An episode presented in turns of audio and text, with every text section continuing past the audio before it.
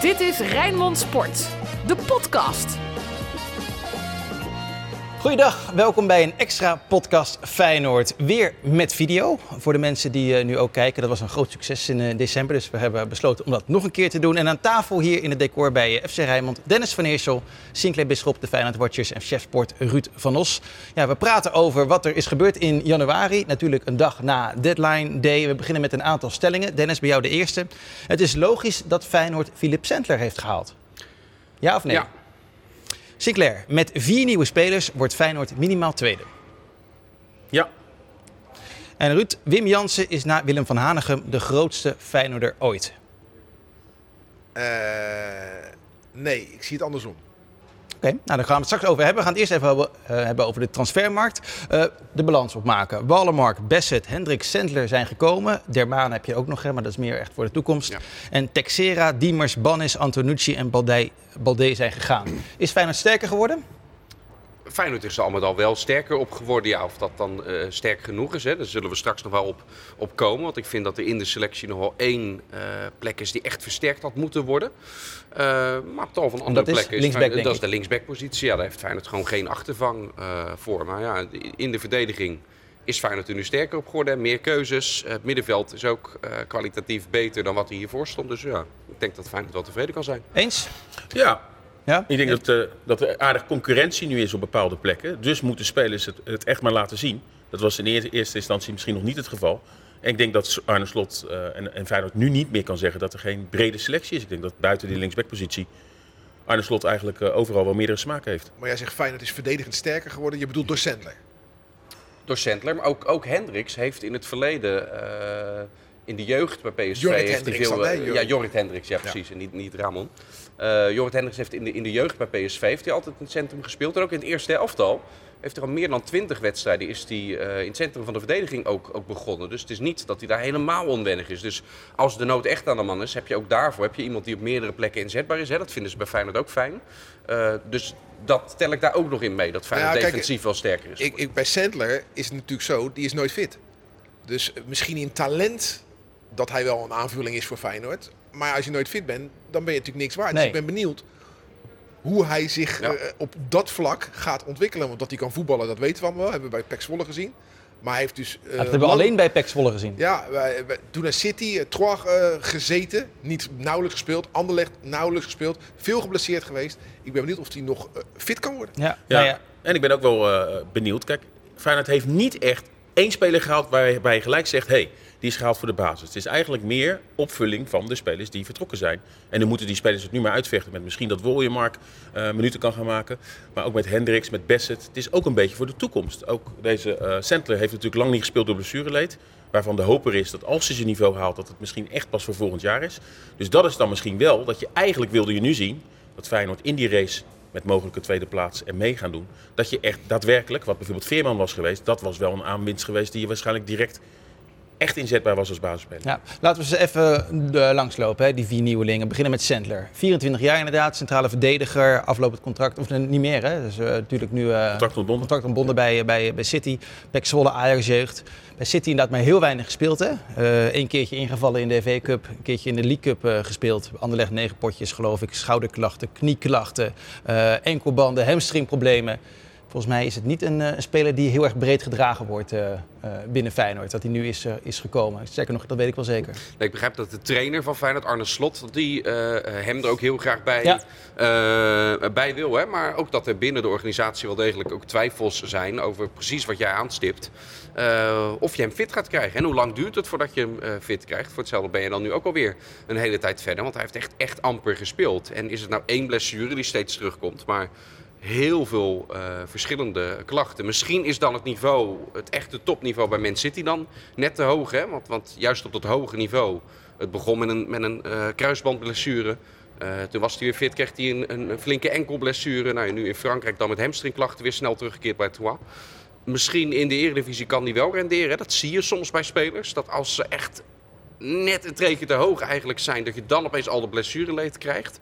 En misschien wordt hij bij Feyenoord dan wel Maar als fit. Troyes al te hoog is en Anderlecht wat niet heel lekker draait. Ja, de Ligue 1 is op zich ook geen, geen pannenkoekencompetitie, toch? Nee, maar het is geen Paris Saint-Germain natuurlijk. Nee, dat, Maar, maar ik vind het wel opmerkelijk. Feyenoord heeft een hele nieuwe organisatie op poten gezet. Daar roemen we Feyenoord eh, onder meer voor. Hè, met de jeugdopleiding, met de nieuwe scouting. Maar ik begrijp nu dat eh, het slot met het aantrekken van Sender dwars daar doorheen gaat. Dus. Ja, nou ja, Slot wilde, wilde heel graag Slenter halen. Zoals hij voor de winterstop ook heel graag Nick Viergever wilde halen. Hij wilde graag Jordi Klaasie. Hij wilde graag eh Seuntjes. Eh, nou, dat is, die zijn allemaal niet gekomen. En nu is Sender wel gekomen. En ja, dan is de vraag, gaat hij het, eh, gaat hij het eh, waarmaken bij Nou ja, nee, maar, ik bedoel, wat- maar, en waar leidt dit toe binnen de organisatie? Als de trainer zijn zin doordrijft, terwijl je een scoutingsapparaat hebt waar je in dit geval dus geen gebruik van maakt. Nee, nee, inderdaad. Daar ben ik ook, daar ben ik ook heel erg benieuwd naar hoe, hoe, dat, gaat, eh, hoe dat gaat verlopen. Eh Wollemark, jij hebt gesproken. Nog Ja? één ding over Center wil ik dan wel zeggen. Hè, want Mhm. hij, is, hij is 24 jaar. Enorm talentvol in het verleden heb je gezien. Als je hem transfervrij inderdaad eh, eh, kunt halen. Ik weet, er is een, een terugkoopoptie door Man City bedongen. Maar stel, hij tikt dat niveau wat, wat hem ooit was beloofd in de jeugd, tikt hij aan. Is het wel iemand met, eh, met restwaarde. En in die zin past hij weer wel enigszins in het, in het beleid waar je op termijn mits iets aan fit, kan hebben. Ja, nee, fit. mits Ja. fit, dat is, Ja. de, Maar dat is de zij- grote vraag. Maar het is wel een risico wat je kan nemen. Eh, het is niet dat Ja, maar nu doet, miljoenen Feyenoord, dit doet. Feyenoord eigenlijk al jaren. Hè. Natuurlijk zit Feyenoord nog steeds in die positie dat het dan maar spelers haalt. Waarbij je toch allemaal krasjes. Ja. Texera die nu weggaat, gaan we misschien straks ook over hebben. Allemaal spelers, vaak komen ze transfervrij binnen. Ook maar daar heeft deze... Feyenoord juist mee gebroken met dat beleid. Ja, nee, Door de jongens oh, te halen die er gelijk staan. Zoals ook in een deze window. en Pedersen, Ouwersnus. komen ze wel weer bij namen uit. Ook Jorrit Hendricks, die dan op doodspoor zitten. Die niet veel hebben gespeeld. Waarbij de hoper is dat ze een niveau aan gaan tikken. Ja, dat hebben we vroeger eigenlijk veel gezien. Het is wel een beetje een mix, hè? want jij haalt nu Pedersen, Uisnes en zo eruit. Ik kan met hetzelfde gemak kan ik Til en Jaan Baks noemen, die wel passen nog in, de, in het lijstje eh Dessers. eh, met spelers die niet al te veel speeltijd de laatste tijd hebben gehad. En bij Feyenoord hun carrière een nieuw leven proberen in te blazen. Er zijn natuurlijk ook de laatste jaren tal van voorbeelden van. Dus Feyenoord heeft een beetje een mengeling van, van die twee type spelers, vind ik. En zo'n zo'n Wallenmark, dat, dat hoort dan in die eerste categorie. Hè, van eh, mensen die we eigenlijk nog niet kennen eigenlijk. Ja. Maar die, we, die hen wel een grote toekomst wordt toegedicht. Eh, Ja, als ik alle loftuitingen over hem al moet, eh, moet geloven, dan gaan we daar heel veel plezier aan eh, Maar- maar- beleven. Hoe kan het dat alleen Feyenoord dit weet? Nee, er waren er veel, nee. veel meer clubs. Club Brugge, Sampdoria. Die za- zaten ook achter hem aan. Ja, Feyenoord Nee. heeft dan wel weer, dat we horen wel vaker, de Europese top afgetroefd. Moet je dan altijd nog maar zien. Want, maar ja, je ziet wel gelijk dat die jongen wat kan. Die oefenwedstrijd twee keer gescoord. En eh, in Zweden heeft hij het ook niet verkeerd gedaan. Jeugd International ook. Ik, ik juich dat wel toe. Dat er spelers gehaald worden waar inderdaad rek in zit. En Feyenoord hoopt dan ook dat, dat dat op een gegeven moment de waarde op gaat brengen. Dat je die verkopen gaat doen. En, en dan hoor je ook sommige namen weer, of spelers die gehaald worden, waar dat dan weer haak staat op het beleid. Want juist de laatste eh transferwindow, die eerste window, hebben we juist gezien dat dat ja, eigenlijk heel goed aansloeg. Hè? Met Pedersen, Ja. met En je moet een beetje geluk hebben met je netwerk natuurlijk. Omdat Frank Arnissen, eh, die kent dan weer de technisch directeur daar bij Hekken. Dat schijnt ook een Deen te zijn. Eh Gustafsson, die natuurlijk bij Feyenoord heeft gespeeld, die heeft nog een broer daar lopen bij Hekken. Nou, die, ook, die heeft ook contact gehad met Wallenmark. Dus zo ja, weet je, moet je een beetje geluk hebben. En het lijkt alsof dit een goede transfer zou kunnen zijn. Hij is pas 20 jaar, hè, dus dat zou, dat zou zomaar kunnen. Het is een beetje een type Berghuis, hè? Ja. Met, eh, vanaf de rechterkant met met links. zijn eh, linkerbeen naar binnen. Ja, En, in eh, tegenstelling tot Pedersen en Uisnes is wel de, de noodzaak om het te redden, vind ik bij Wolemark wat hoger. Omdat Feyenoord er zeker voor Feyenoord begrippen natuurlijk wel gewoon een serieus transferbedrag voor heeft neergelegd. Ruim Dit 3 is- miljoen. Ja, dit- en dat is voor Feyenoord is dat gewoon echt een serieuze aankoop. Dus als dat een enorme miskoop zou zijn, ja, dat Ja, maar kan Feyenoord dat- zich nog steeds niet Ja, maar eh, dat is die vijver ook. Dat, hè, als, je, als je echt zeker wil zijn, dan moet je spelers voor 10, 12, 13 miljoen gaan halen. Dat heeft Feyenoord niet. En zelfs dan. En dan nog ben je nooit helemaal Zie je ook bij clubs Dat om ons heen. in Eindhoven soms ook. Ja, dus eh, ik begrijp wel dat ze dan dit soort jonge spelers dan moeten hebben die het dan eventueel moeten laten zien. En eh, ja, ik ben wel benieuwd eh, hoe Ja. gaat doen. Je hebt hem gesproken en eh, hij heeft uitgelegd waarom hij voor Feyenoord koos. like I like the the way they play. Uh, it fits me very well, I think. Uh, to cut in from from the right hand side with my left foot, um, and yeah, they've developed many good players throughout the years, and hopefully, hopefully I can be one of them. Ja, Mikko Schauka schreef eh, in het AD, dit is geen Guidetti. Hoe we hem horen praten, het is een beetje een, eh, een stille Nee, maar er is ook maar één Guidetti, denk ik. Hè? Dat, Ja. Daar kom je niet snel overheen. Ja. Maar dit is wel weer een Scandinaviër. Is, Ja, dat, is ja. dat goed of juist niet goed? Nou ja, dat gebleken is de laatste jaren eh, dat dat de hoogste eh, kans van slagen biedt als je spelers uit het buitenland haalt. Hè. Dat geldt niet alleen voor, voor Feyenoord, maar ook voor Ajax en Heerenveen en allerlei andere clubs, FC Groningen. Ja, je, kan je, je valt je niet zo snel een bijl uit een Scandinavië als je dat vergelijkt bijvoorbeeld met een Zuid-Amerikaan. Die mislukken vaker hier dan, eh, dan Zweden, Denen en, en. Ja, en de prijs, eh, eh, de prijs-kwaliteit, eh, daar ga je naar kijken. Hè. Je ziet heel vaak dat dit soort jongens met dezelfde kwaliteit in Nederland bijna niet meer te betalen zijn. Als je dan al weet, bijvoorbeeld de Mickey van de Ven, hoeveel die dan al, terwijl die pas in de eerste divisie speelt, moet kosten. Terwijl hou je, het uit, hou je dit soort kwaliteiten uit die landen, dan kan je daar relatief nog wel goedkoop voor, voor aan de deur kloppen. Dus ja, dit, de hoop is natuurlijk dat het Feyenoord straks echt weer geld hebt, dat je dan misschien wel spelers kan halen waarvan je, je in Nederland ziet van, hey, eh, eh, dat zijn de, de spelers die je beter gaan maken. Maar op dit moment moet Feyenoord het hebben inderdaad van toch uit die landen. Er wordt dan gezegd hè, dat Feyenoord een beetje de scoutingslijst van AZ aan het kopiëren is. En dat is echt absolute onzin volgens mij. Hè? Want als je dan kijkt bijvoorbeeld in het verleden, eh, wie zou er weggaan vorig seizoen bij AZ? Dat was Svensson. Eh, dat, wist, je- dat wist je al heel erg lang Ja. van tevoren. Waarom zou je dan niet als AZ zijnde een Pedersen halen? Je wist dat Koopmeiners weg zou gaan. Waarom zou je er niet een Arsenis halen? Dus dat gedoe van eh, het kopiëren van het scoutingslijstje van AZ is onzin. Hè? Maar sowieso, zijn wel die lijstjes, die komen wel overeen. klopt. Want iedereen ziet toch dezelfde spelers. Ja, daarom. Dus ik Ja, denk dat dan- überhaupt bij PSV, Ajax, Feyenoord Precies. en AZ de, de Jawel, spelers maar in Scandinavië AZ, op de rel- AZ haalde toen als rechtsback een jongen van Djurgardens, Witri. Die is vier jaar ouder, was ook een stuk duurder. Dus Pedersen heeft daar nooit op het lijstje gestaan. Denk ik. Anders, Of zij vonden die Witri beter. nou, dan hebben ze dat wel verkeerd gezien. Dat is een andere, dat is een andere discussie. Maar daarom eh, heb ik wel nog... eh, ik heb de beelden gezien van die Wooienmarkt. Dat, dat ziet er goed uit. Maar iets in mijn achterhoofd zegt... Ja, als hij nou echt zo goed is als dat ik hoor... Waarom komt hij dan naar Feyenoord? Want in heel Europa, dat weten we, wordt meer betaald dan bij Feyenoord. Dus dan ben je een beetje bang dat het een eh, Sam Larsson eh, gaat worden. Weet ik niet, weet ik niet. Maar er is iets in mijn achterhoofd zegt... Ja, eerst zien dan geloven. Ja, maar dat geldt eigenlijk voor alle spelers die gehaald zijn, toch? Door Feyenoord. Eh, Ja, Überhaupt. ja, alleen vind ik de, de, de lof die nu al over deze jongen wordt uitgestort... Ja, ik ben benieuwd of het Ja, Robben, maken. Robben en Messi, die naam kwam ook voorbij. Ja. Maar ja, de hoop is er dan bij dit soort jongens dat daar gewoon zodanig goede begeleiding achter zit. Dat ze inderdaad weten, met veel voorbeelden, ook bij andere clubs in Nederland, dat zo Scandinavië via Nederland echt naar de top gaat. Noem al de, de, de, de, de Scandinaviërs waarop die, of nou Eriksen, Zlatan, die hebben toch allemaal hun stappen in Nederland eh, eh, gezet. Ja, maar er zijn ook natuurlijk heel veel die het niet gehaald hebben. Ja, maar zo'n tussenstap, en dat zien we ook nu met heel veel spelers, we noemen ook Sentler. Allemaal jongens die veel te vroeg vertrekken. Waardoor je op een gegeven moment eigenlijk te weinig bagage in huis hebt. Veel te weinig gespeeld.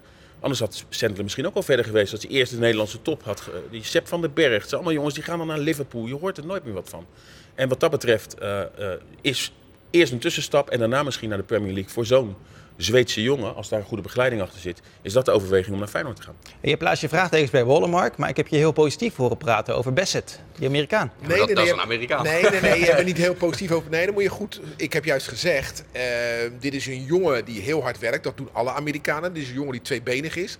Dat is lekker, maar hij mist nog wel kracht. Dus het is niet zo dat ik zeg dat deze jongen 1, 2, 3 even gaat Maar slagen. je was heel blij dat Feyenoord hem haalde. Jij gunt die, deze jong heel erg. Ik, heb iets met Amerikaanse sporten. En ik heb iets met het Amerikaanse voetbal en American voetbal en honkbal en basketbal. Dus ik ben zeer geïnteresseerd op het moment dat Feyenoord met Amerikanen in zee gaat. Dan ga ik extra opletten. Dus ik gun het deze jongen van harte. Ja, en Greg Burhalter, de bondscoach van Amerika, is een vriend van jou. Ja, ja, dus die heb ik gesproken daarover. Net zo goed als dat Arne Slot met Burhalter heeft gesproken over deze eh, jongen. Ja, die, die is positief. Maar bevestigt ook wel dat er wel wat meer power in moet. En dan bedoel ik sterker worden, meer body krijgen. Maar dat deze jongen kan voetballen, dat is geen discussie. Maar daarom hebben ze hem ook voor anderhalf jaar gehuurd, hè, met daarna een optie tot kopen. En ik denk dat dat wel een slimme constructie is, eh, Dennis. Ja, hij is eh, iets meer voor de, voor de toekomst al gehaald. Hè. Dus niet van Zo denk je er zelf niet Nee, over. nee, dat klopt. Ja. Dat vond, ik vond het wel ambitieus. Dat past wel ook bij... Eh, bij, zijn, bij het Amerikaanse karakter dan inderdaad. Want hij wil tegen Sparta wil hij er al meteen, eh, wil hij er al meteen het liefste eh, staan. Eh, maar Feyenoord heeft hem heel duidelijk gepresenteerd. eh, ook echt met, met zo'n soort verhaal van... Dit is iemand die, die voor de toekomst en als je Arne Slot beluistert, echt voor de breedte gehaald is. En over Wonenmark bijvoorbeeld praat Slot ook, daar praat hij ook heel anders. Hè? Dus qua hoe je binnenkomt in zo'n selectie, hiërarchisch, nou verschilt dat volgens mij tussen die twee wel al. eh, het, is, het is heel simpel. Kijk, Amerika speelt op dit moment het Amerikaans nationale elftal hele belangrijke WK-kwalificatiewedstrijden tegen El Salvador, Canada, Honduras. En hij zat met Amerika in trainingskamp, Cole Bassett. En de bondscoach Greg Berhalter heeft gezegd: ga maar. Ga maar naar Europa en ga maar naar Feyenoord.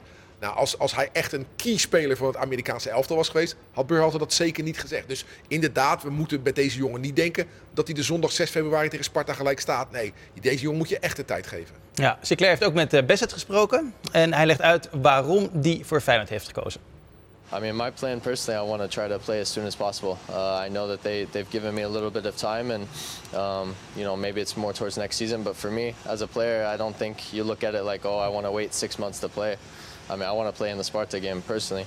Um, obviously, you have to show it on the training ground once you get in uh, to training, and you know show the coach that you're ready. But for me, um, I'm an ambitious player, and I want to try to play as soon as possible. Gaat hij ook spelen tegen Sparta? Eh, nee, want hij is de backup voor Til. Heel misschien dat hij minuten gaat maken, verwacht het nog niet. Ik denk wel dat Wooyemark misschien voor het eerst eh, te zien zal zijn. Eh, ja, nou ja, uh, Feyenoord, wat ik wel over zei, heeft nu echt wel een selectie.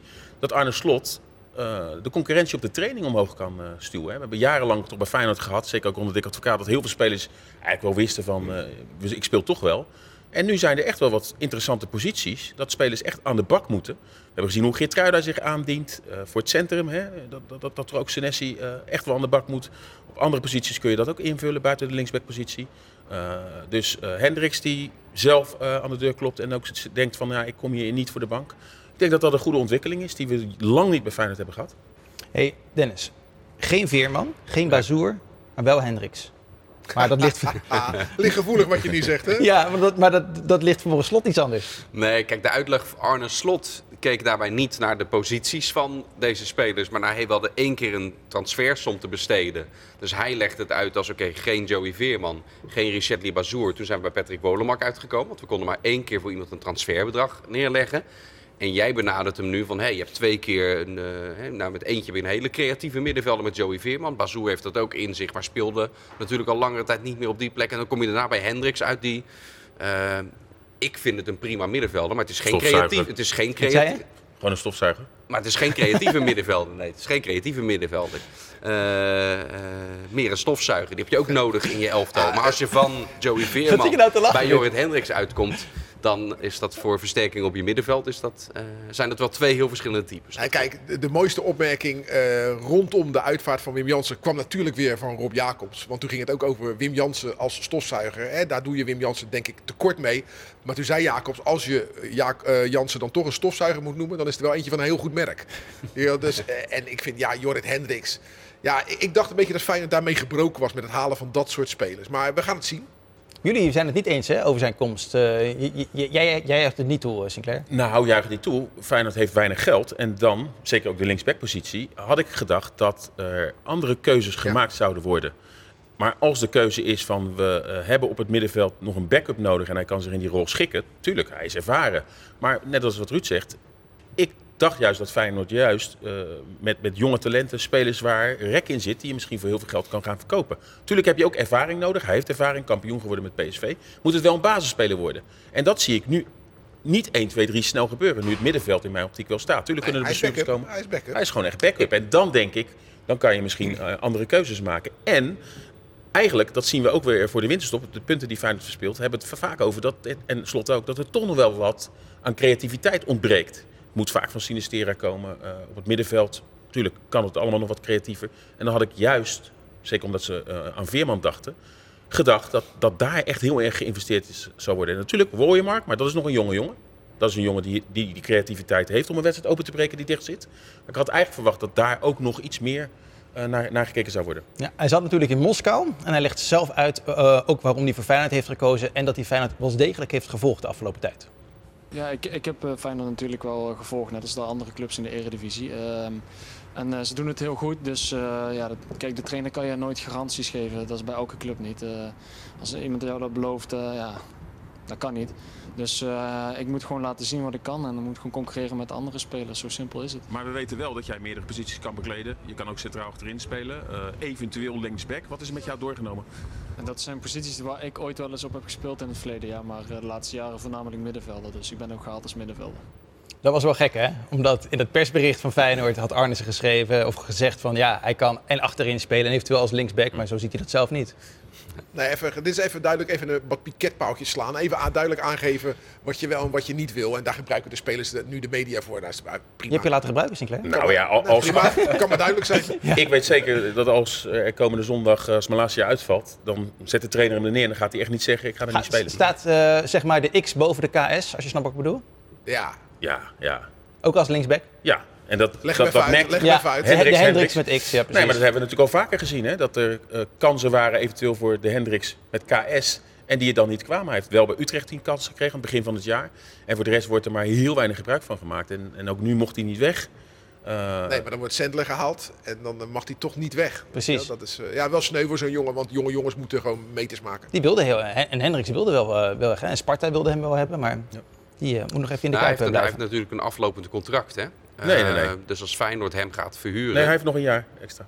Ja, maar Feyenoord wil hem... Wil ja, hij wil hem nog verlengen, maar hij heeft nog wel contract tot 23. Wil, wil hem niet verhuren als niet dat contract ook weer ja, verlengt. 2023. Ja, precies. Dat bedoel ik. Ja. Hey, um, er zijn er nu dus vier spelers gekomen en vijf zijn er weggegaan. Hè? Uh, Texera, Diemers, Bannis, Antonucci, Balde. Ja, je kan zeggen Conte, maar die was, was natuurlijk al in Duitsland verhuurd aan Dort.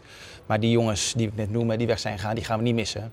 Nee, daarom ben ik ook iets positiever over, uh, over Hendricks. Omdat ik zie hem niet, hij is niet gehaald in dit Feyenoord als basisspeler. Dus ik zie hem, hey, je gaat van Diemers naar Jorrit Hendricks. En dat vind ik een verbetering binnen, binnen de onderlinge concurrentie. Maar ook kwalitatief vind ik dit een betere maar middenvelder. Dennis, je weet, hij verdient een godsvermogen in Rusland. Die gaat hier geen anderhalf jaar voor een, een, het salaris wat eigenlijk een backup, een, een, een reserve zou moeten zijn. Wat bij wijze van spreken El Boustaoui of zo zou krijgen. Dus het is wel een speler die natuurlijk weliswaar inlevert, maar wel een salaris staat. opstrijkt. Ja, want als je ook voor je backups, als je kwaliteit wil, ja, kwaliteit in het leven kost geld. Maar aan de Dus- andere kant, jongens, Texera verdiende ook 9 ton in de Mhm. Kuip. Hè? Ja, jij noemde daar vijf man. Noem ze nog eens. Texera, Diemers, Bannis, Antonucci en Balde. Op Baddes na gewoon alle vier het product van een verloren transferzomer. Vorig. Dus niet eh, van 21, maar het jaar daarvoor. Ja. Allemaal gasten die dus na anderhalf jaar alweer weggebonjourd Ja, en veel gasten die natuurlijk in de tijdperk van Dick Advocaat zijn gekomen. Eh, en dan kan je zeggen, ja, ik vind het bijvoorbeeld onbegrijpelijk dat zo'n Texera 9 ton heeft mogen verdienen in de Kuip. Ja, ja, ja, mee eens. Maar dat is dan zo hè, dat je een speler wil halen transfervrij. Want Feyenoord moet uit die vijver vissen. Ja, en dan zijn het vaak toch dat soort bedragen. Ja, maar, maar dat vind ik altijd grappig, hè? want zo redeneren voetbalclubs altijd. Alsof ze gedwongen worden om spelers te halen. Je kan hem toch ook niet halen? Nee, oké. maar als er dan een middenvelder moet komen... en je moet wel eigenlijk voor kwaliteit een transfersom neerleggen... dan ga je toch hopen in gokjes. Deze jongen had Ja, dan bij maar ze Liverpool... luisteren naar de trainer. Advocaat wilde heel graag Diemers halen. Slot wilde heel graag Sandler. En uiteindelijk gaat een technisch directeur zwichten. Dat gebeurt wel eens, maar goed, trainers moeten ook met spelers werken. Je hebt er ook niks aan, aan als er spelers gaan komen waar een trainer het niet in ziet zitten. Die worden dan, ja, toch ook eh, eh, niet, niet of nauwelijks opgesteld. Nee, dus zo- het zo- moet een samenspel Zo'n zijn. TD bij elke club zal ook af en toe denken... ik moet mijn trainer ook af en toe wel eens een keer zijn Ja. zin geven. Ja. En eh, ja, dat, dat gebeurt gewoon. eh, ja, op, dat zal niet alleen bij Feyenoord zo zijn. En nu is er een beetje kritiek op Arnissen op, op basis van zijn verkoopbeleid. Hè? Van, ja, want al die jongens die, mogen, die worden verhuurd, maar er is er geen eentje verkocht. Het contract van Texera is zelfs Ja. eh, ontbonden.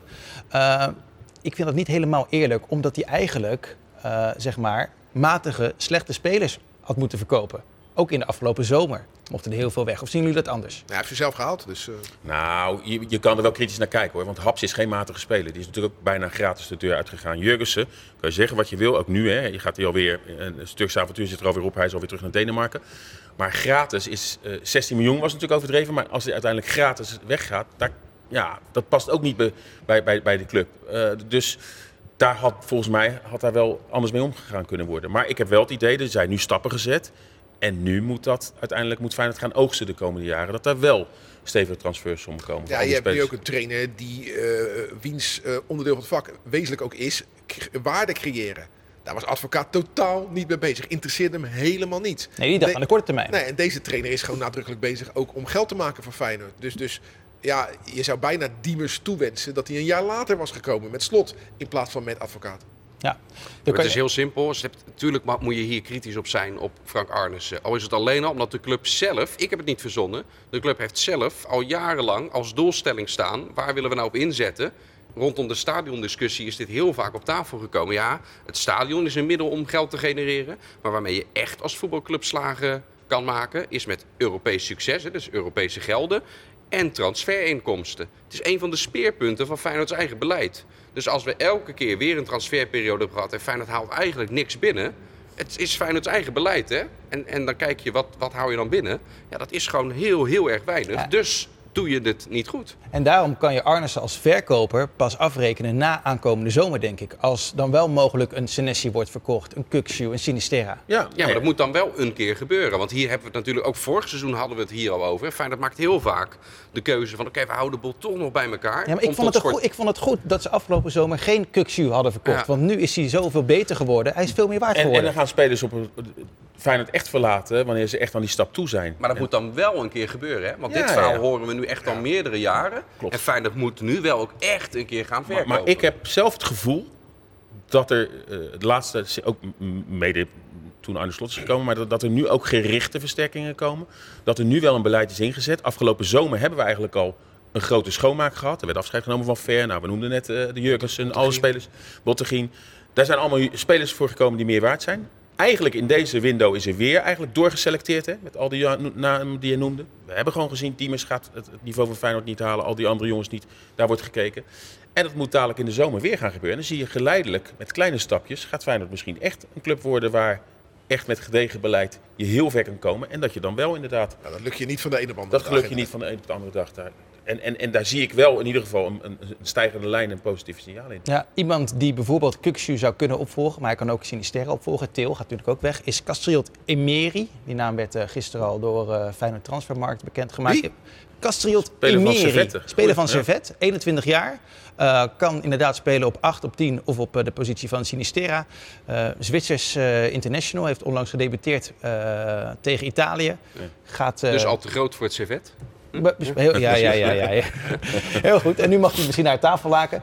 Eh, maar dat zou een hele interessante speler kunnen zijn. Eh. spelen we op, hè? Ja, jongen, jongen. Wat, is hier... eh, Ja, maar dan, dan had Feyenoord... iemand het geluidje van Dennis uitzetten?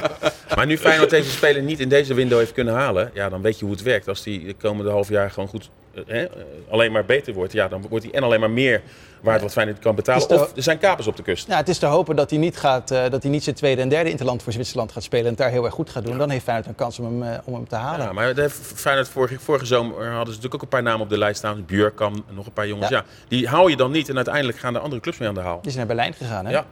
En wat is jullie ideale opstelling in de tweede seizoenshelft? Is die wezenlijk anders nu eh, met deze nieuwe spelers? Nou, dan ben ik wel benieuwd op rechtsbuiten inderdaad. Ja, Dat is de enige, eh, Jan Baks, mooie markt, maar ik, ik weet nog niet hoe goed hij in Nederland is aangekomen. We hebben die oefenwedstrijd gezien tegen Vitesse, waarin hij twee keer scoorde, die mooie markt. Ja, als dat zijn niveau is, dan zou daar wel eens een, een wisseling kunnen plaatsvinden. Voor de rest denk ik dat er niet zo heel veel gaat veranderen. Nee, nee de elftal staat. En eh, eh, ja, Geertruida dient zich aan. Maar goed, die kan goed als backup voor als spelers eh, wat minder is. Of als er centraal wat, eh, wat aan de hand is. En voor de rest staat het elftal. Eh, als iedereen fit blijft, dan denk Ja. ik dat iedereen zijn Ja. plaats ook En eh, dan kent. zie jij ze wel tweede worden, minimaal. Nou ja, Nou, eh, Dan moet Ja? wel weer Justin Bijlo in de goal staan en niet meer Joop Bijlo. nou ja, eh, die maakte te veel fouten op het laatst. En een goede doelman heeft aangetoond, hè, we hebben het in het begin van het seizoen erover gehad, over de Bermuda driehoek, Trauner, eh Senesi en, eh, en Bijlo, hoe, hoe belangrijk dat voor je ploeg kan zijn. Ja, die driehoek is nu een beetje uit elkaar gevallen, omdat Bijlo gewoon niet levert. En daarvoor Dus omdat Senesi niet leefde. dus die moet weer gaan leveren. En eh, als dat zo is, dan eh, ben ik, wil ik best wel meegaan in de kans op een tweede positie. Jij ook, Dennis?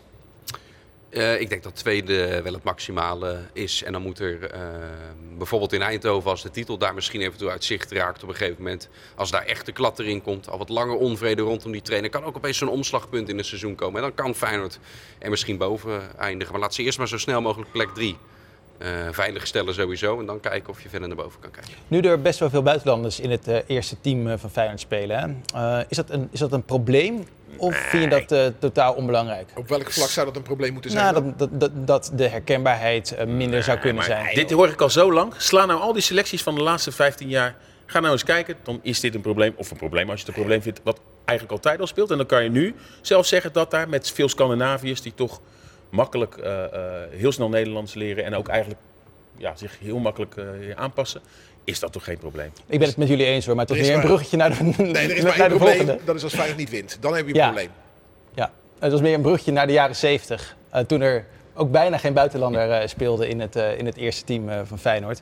Een aantal van hen is er helaas niet meer. Wim Jansen overleed vorige week op eh, 75-jarige leeftijd. Zaterdag herdacht. Was het nou een mooi afscheid, Ruud? De- we, eh, we hebben gisteren eh, Wim Jansen junior gesproken. Ja. Op de plek waar zijn vader afgelopen... Was maandag, was dat? eh, ja, maandag eh, herdacht eh, werd door de supporters.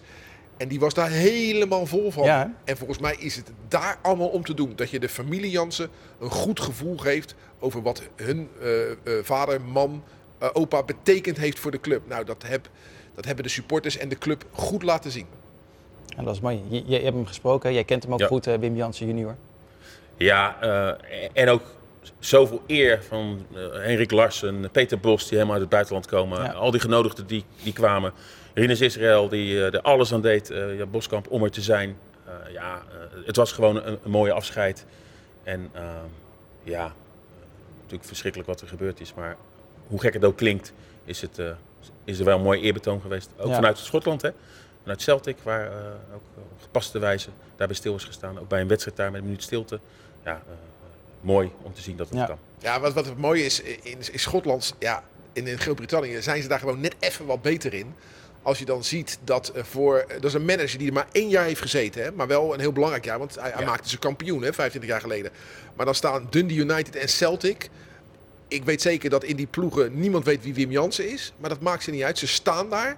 En dan wordt die, die- zo'n krans door de manager en de aanvoerder het veld opgebracht. En dan wordt die krans daar neergelegd. En een, een minuut en een applaus. En op het scherm. Ja, ja vond ik echt heel Ja. mooi. Vond ik echt, eh, maar wat ik zeg, daar zijn ze in Groot-Brittannië gewoon ontzettend goed in. Wij zijn eh, nog relatief eh, jong, hè, Dennis. Deze mannen zijn al wat, eh, wat, wat ouder. Eh, en een van de jammere dingen is dat wij bijvoorbeeld nooit de generatie van Wim Jansen en Willem van Hanegem hebben zien spelen. Nee, maar nee. ik vraag me af, hebben jullie, hebben jullie hen zien spelen? Ja, ik, heb, eh, ik ben uit 69. Dus eh, ja, 70 is natuurlijk iets wat je niet meekrijgt. Nee. Maar ik heb in de nadagen, hè, dus be- eind 70, begin 80, ga je het allemaal een beetje beseffen. Heb ik Van Hanegem en, eh, en Jansen nog wel zien spelen. En jij vroeg me aan het begin. Eh, is, is, is Jansen na Van Hanegem de grootste Feyenoorder? Nee, nee. Ik denk dat als je kijkt, je hebt Moulijn is een grote Feyenoorder, Van Hanegem en Jansen. Ik denk van die drie dat Jansen de grootste Feyenoorder is. Waarom? Omdat hij zich niet alleen als speler en trainer verdienstelijk heeft gemaakt, maar ook tot aan zijn dood met de club is bezig geweest. En respect voor de prestaties van Van Hanegem als trainer en als speler. Maar is toch ook iemand die het de club de afgelopen jaren niet heel gemakkelijk heeft gemaakt met al zijn uitlatingen. En ik denk altijd dan, weet je wel, van joh Willem van Hanegem, doe iets voor die club. Maak je kennis be- eh, benaderbaar voor mensen die bij Feyenoord werken. En die het in die periode heel moeilijk hadden. Maar dat deed Willem niet. En Wim Nou, Jansen op de achtergrond heeft zich altijd voor Feyenoord... Ik- Ik vind Wim Jansen in, in, door zijn hele leven heen... de allergrootste Feyenoorder die ik ken. Zijn jullie het daarmee eens? Ik ben het niet helemaal met jou eens hoor, eh, Ruud. Omdat Van Hanegem heeft natuurlijk ook meerdere keren wel zelf zijn kennis aangeboden. Maar toen wilde de clubleiding niet met hem in zee. Maar dan kan je altijd vragen, kip of het ei eh, verhaal. Maar ik wil het eigenlijk meer hebben over Wim Jansen.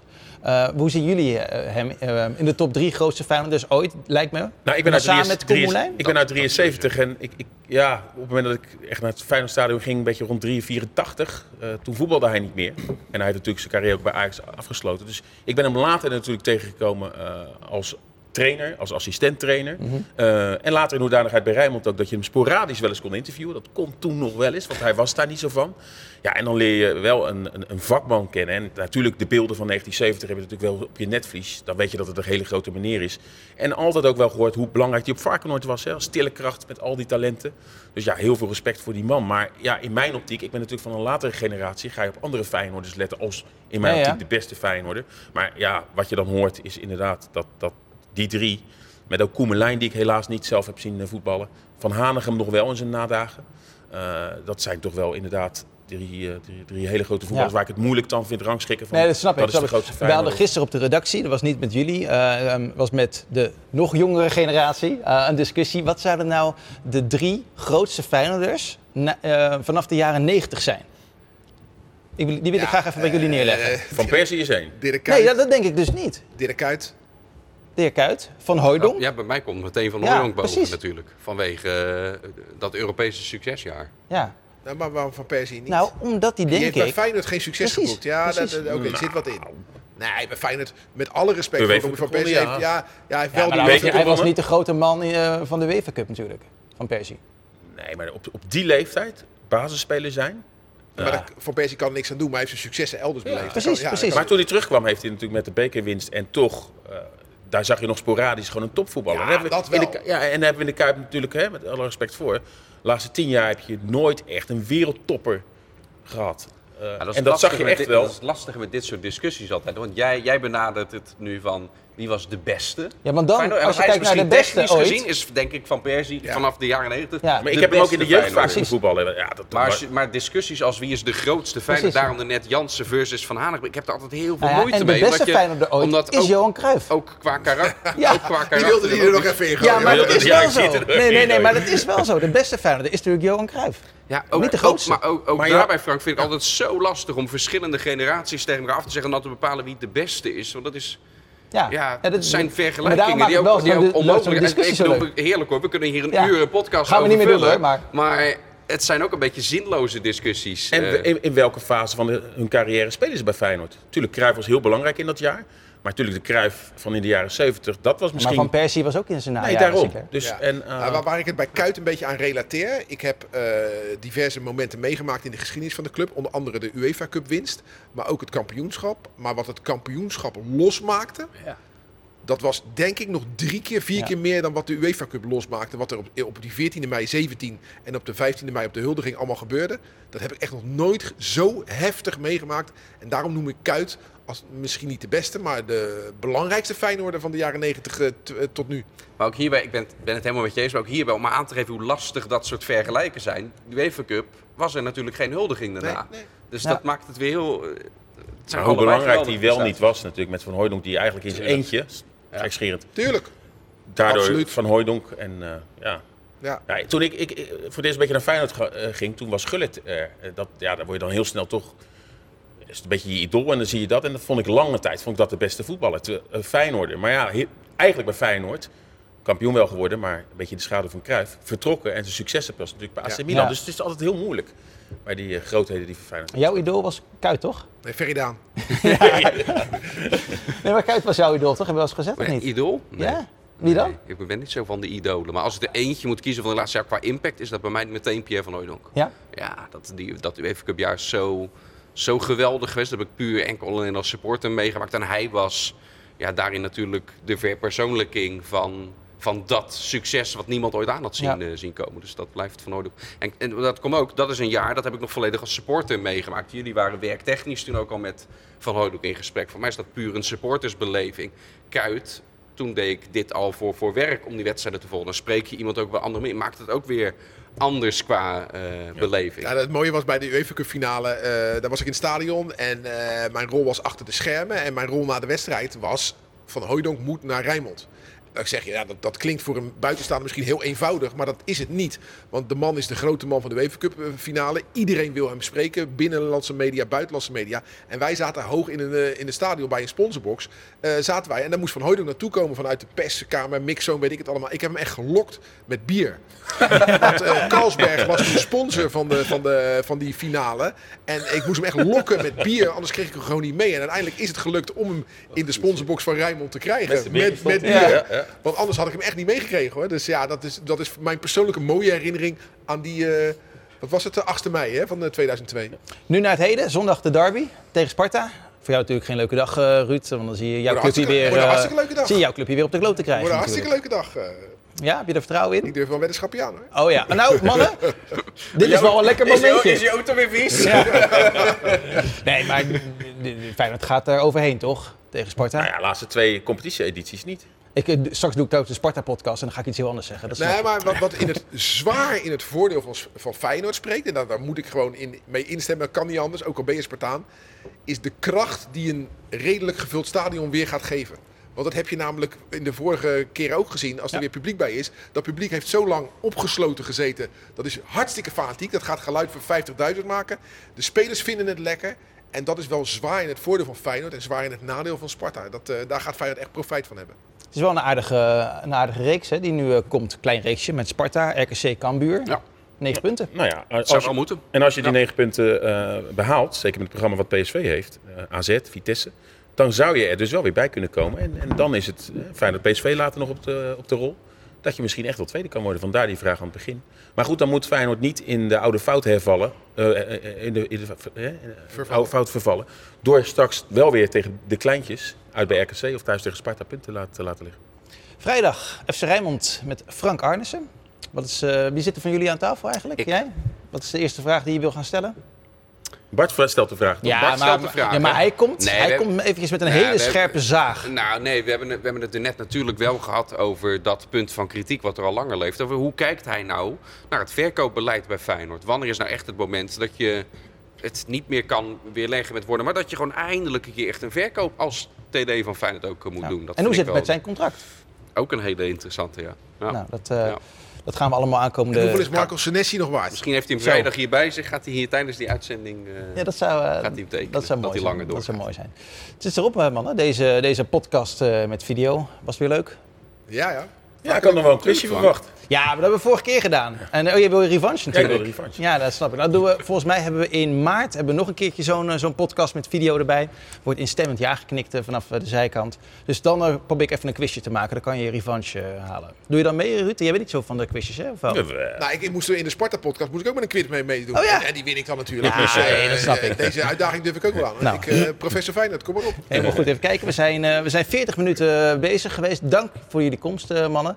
We gaan weer een mooie, mooie week eh, tegemoet. En eh, we zeggen bedankt voor het luisteren. Bedankt ook voor het kijken. Hij pakt, hij pakt even die Ja, camera ook, dat is ook zo. Het is mijn rol nu, De eh, mensen die Dennis. alleen luisteren nu, die zien dit Nee, niet. ja, dit maar dit dat- is professioneel. hebben heel veel Wat heb je trouwens een mooi jasje aan. Ja, ja, ja.